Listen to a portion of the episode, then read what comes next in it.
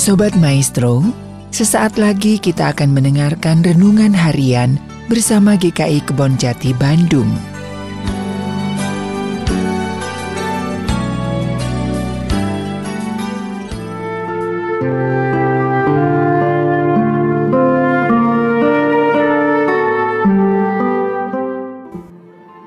Halo, jumpa lagi dengan renungan harian GKI Kebon Jati bersama saya, Eliwati.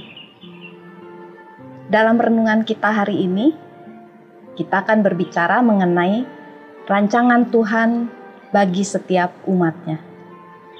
Bacaan diambil dari kitab Kisah Para Rasul pasal 7 ayat 30 sampai 34. Saya akan membacakannya bagi kita semua.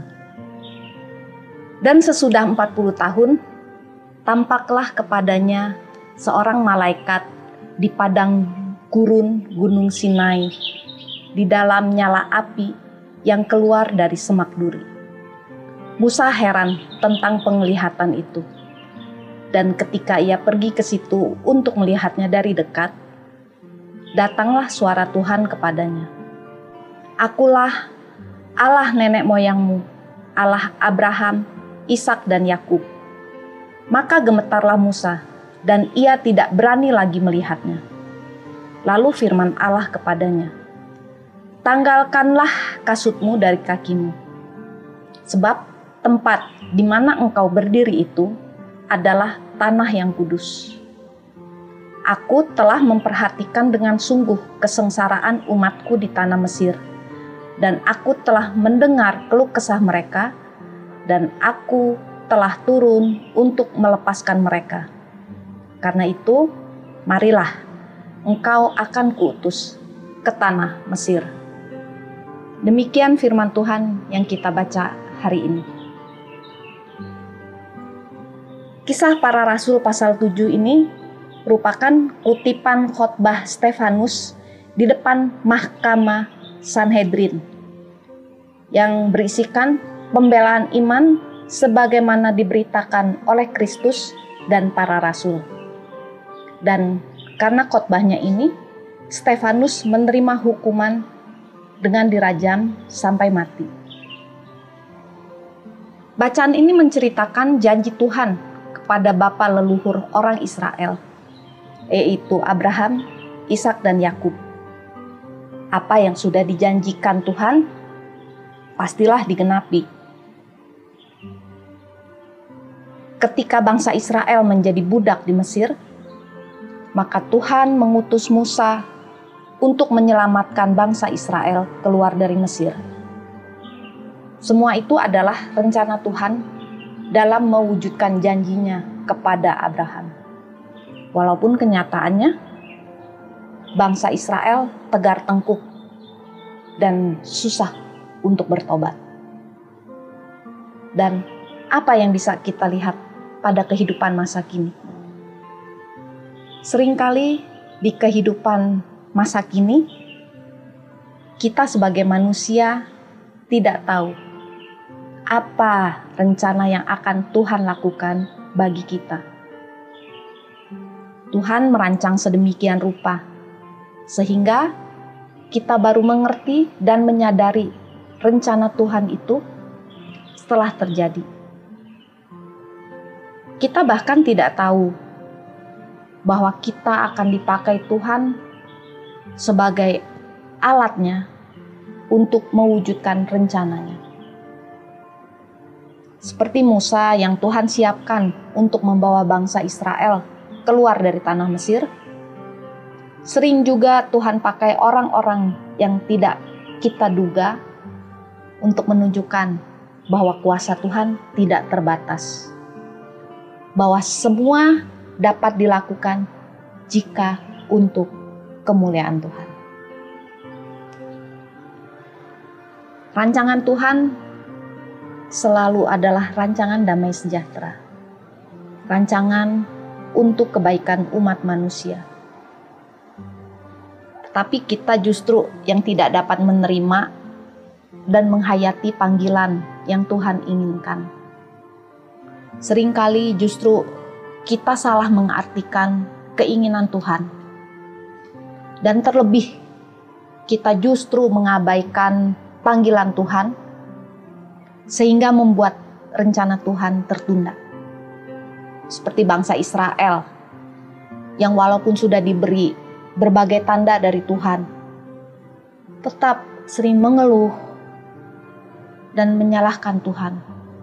Sehingga mereka terus menerus berputar di padang gurun selama 40 tahun. Dan akhirnya angkatan mereka tidak bisa masuk ke tanah perjanjian.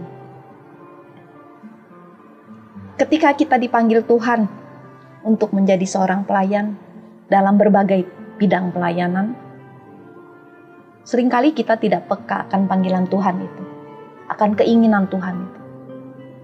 Banyak alasan bagi kita untuk menolaknya.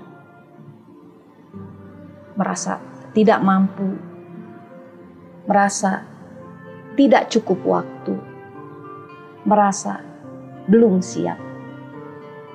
Padahal ketika Tuhan sudah memilih, maka pasti Tuhan juga yang akan menyertai dan memperlengkapi serta memberi pertolongan ketika kita mengalami pergumulan dalam pelayanan kita.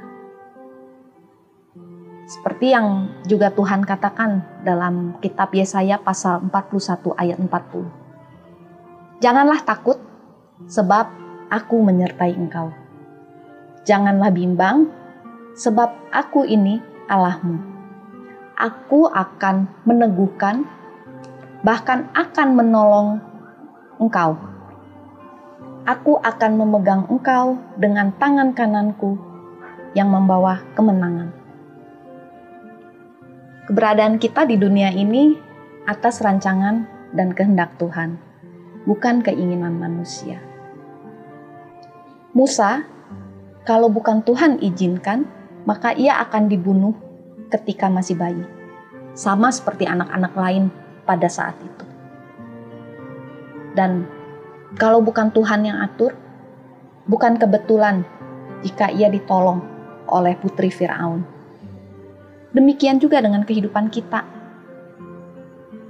Ada yang lahir dari keluarga berkecukupan, tidak sedikit yang lahir dari keluarga yang berkekurangan.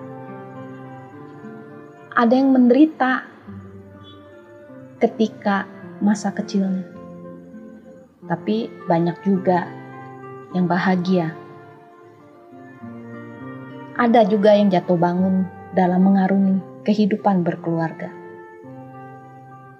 Setiap orang punya kuk yang berbeda, tapi kuk yang diberikan Tuhan adalah ringan untuk dipikul. Maka kita harus mengandalkan semuanya kepada Tuhan. Kita berserah, kita bersyukur dalam keadaan apa pun. Kita berharap selalu dalam doa kita kepada Tuhan kita mohon pertolongan dan penyertaan dari Tuhan. Itulah hidup kita yang sesungguhnya. Selalu dekat dengan Tuhan, sehingga kita menjalani kehidupan ini dengan penuh rasa syukur.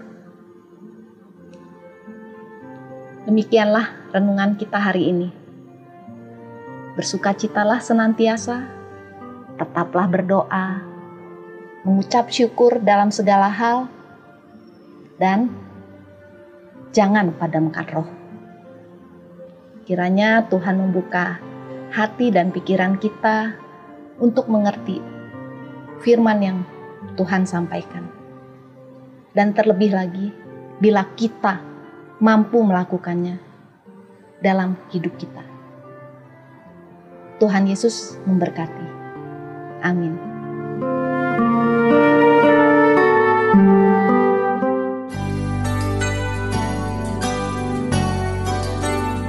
Sobat Maestro, baru saja Anda mendengarkan renungan harian bersama GKI Kebon Jati Bandung. Tuhan Yesus memberkati.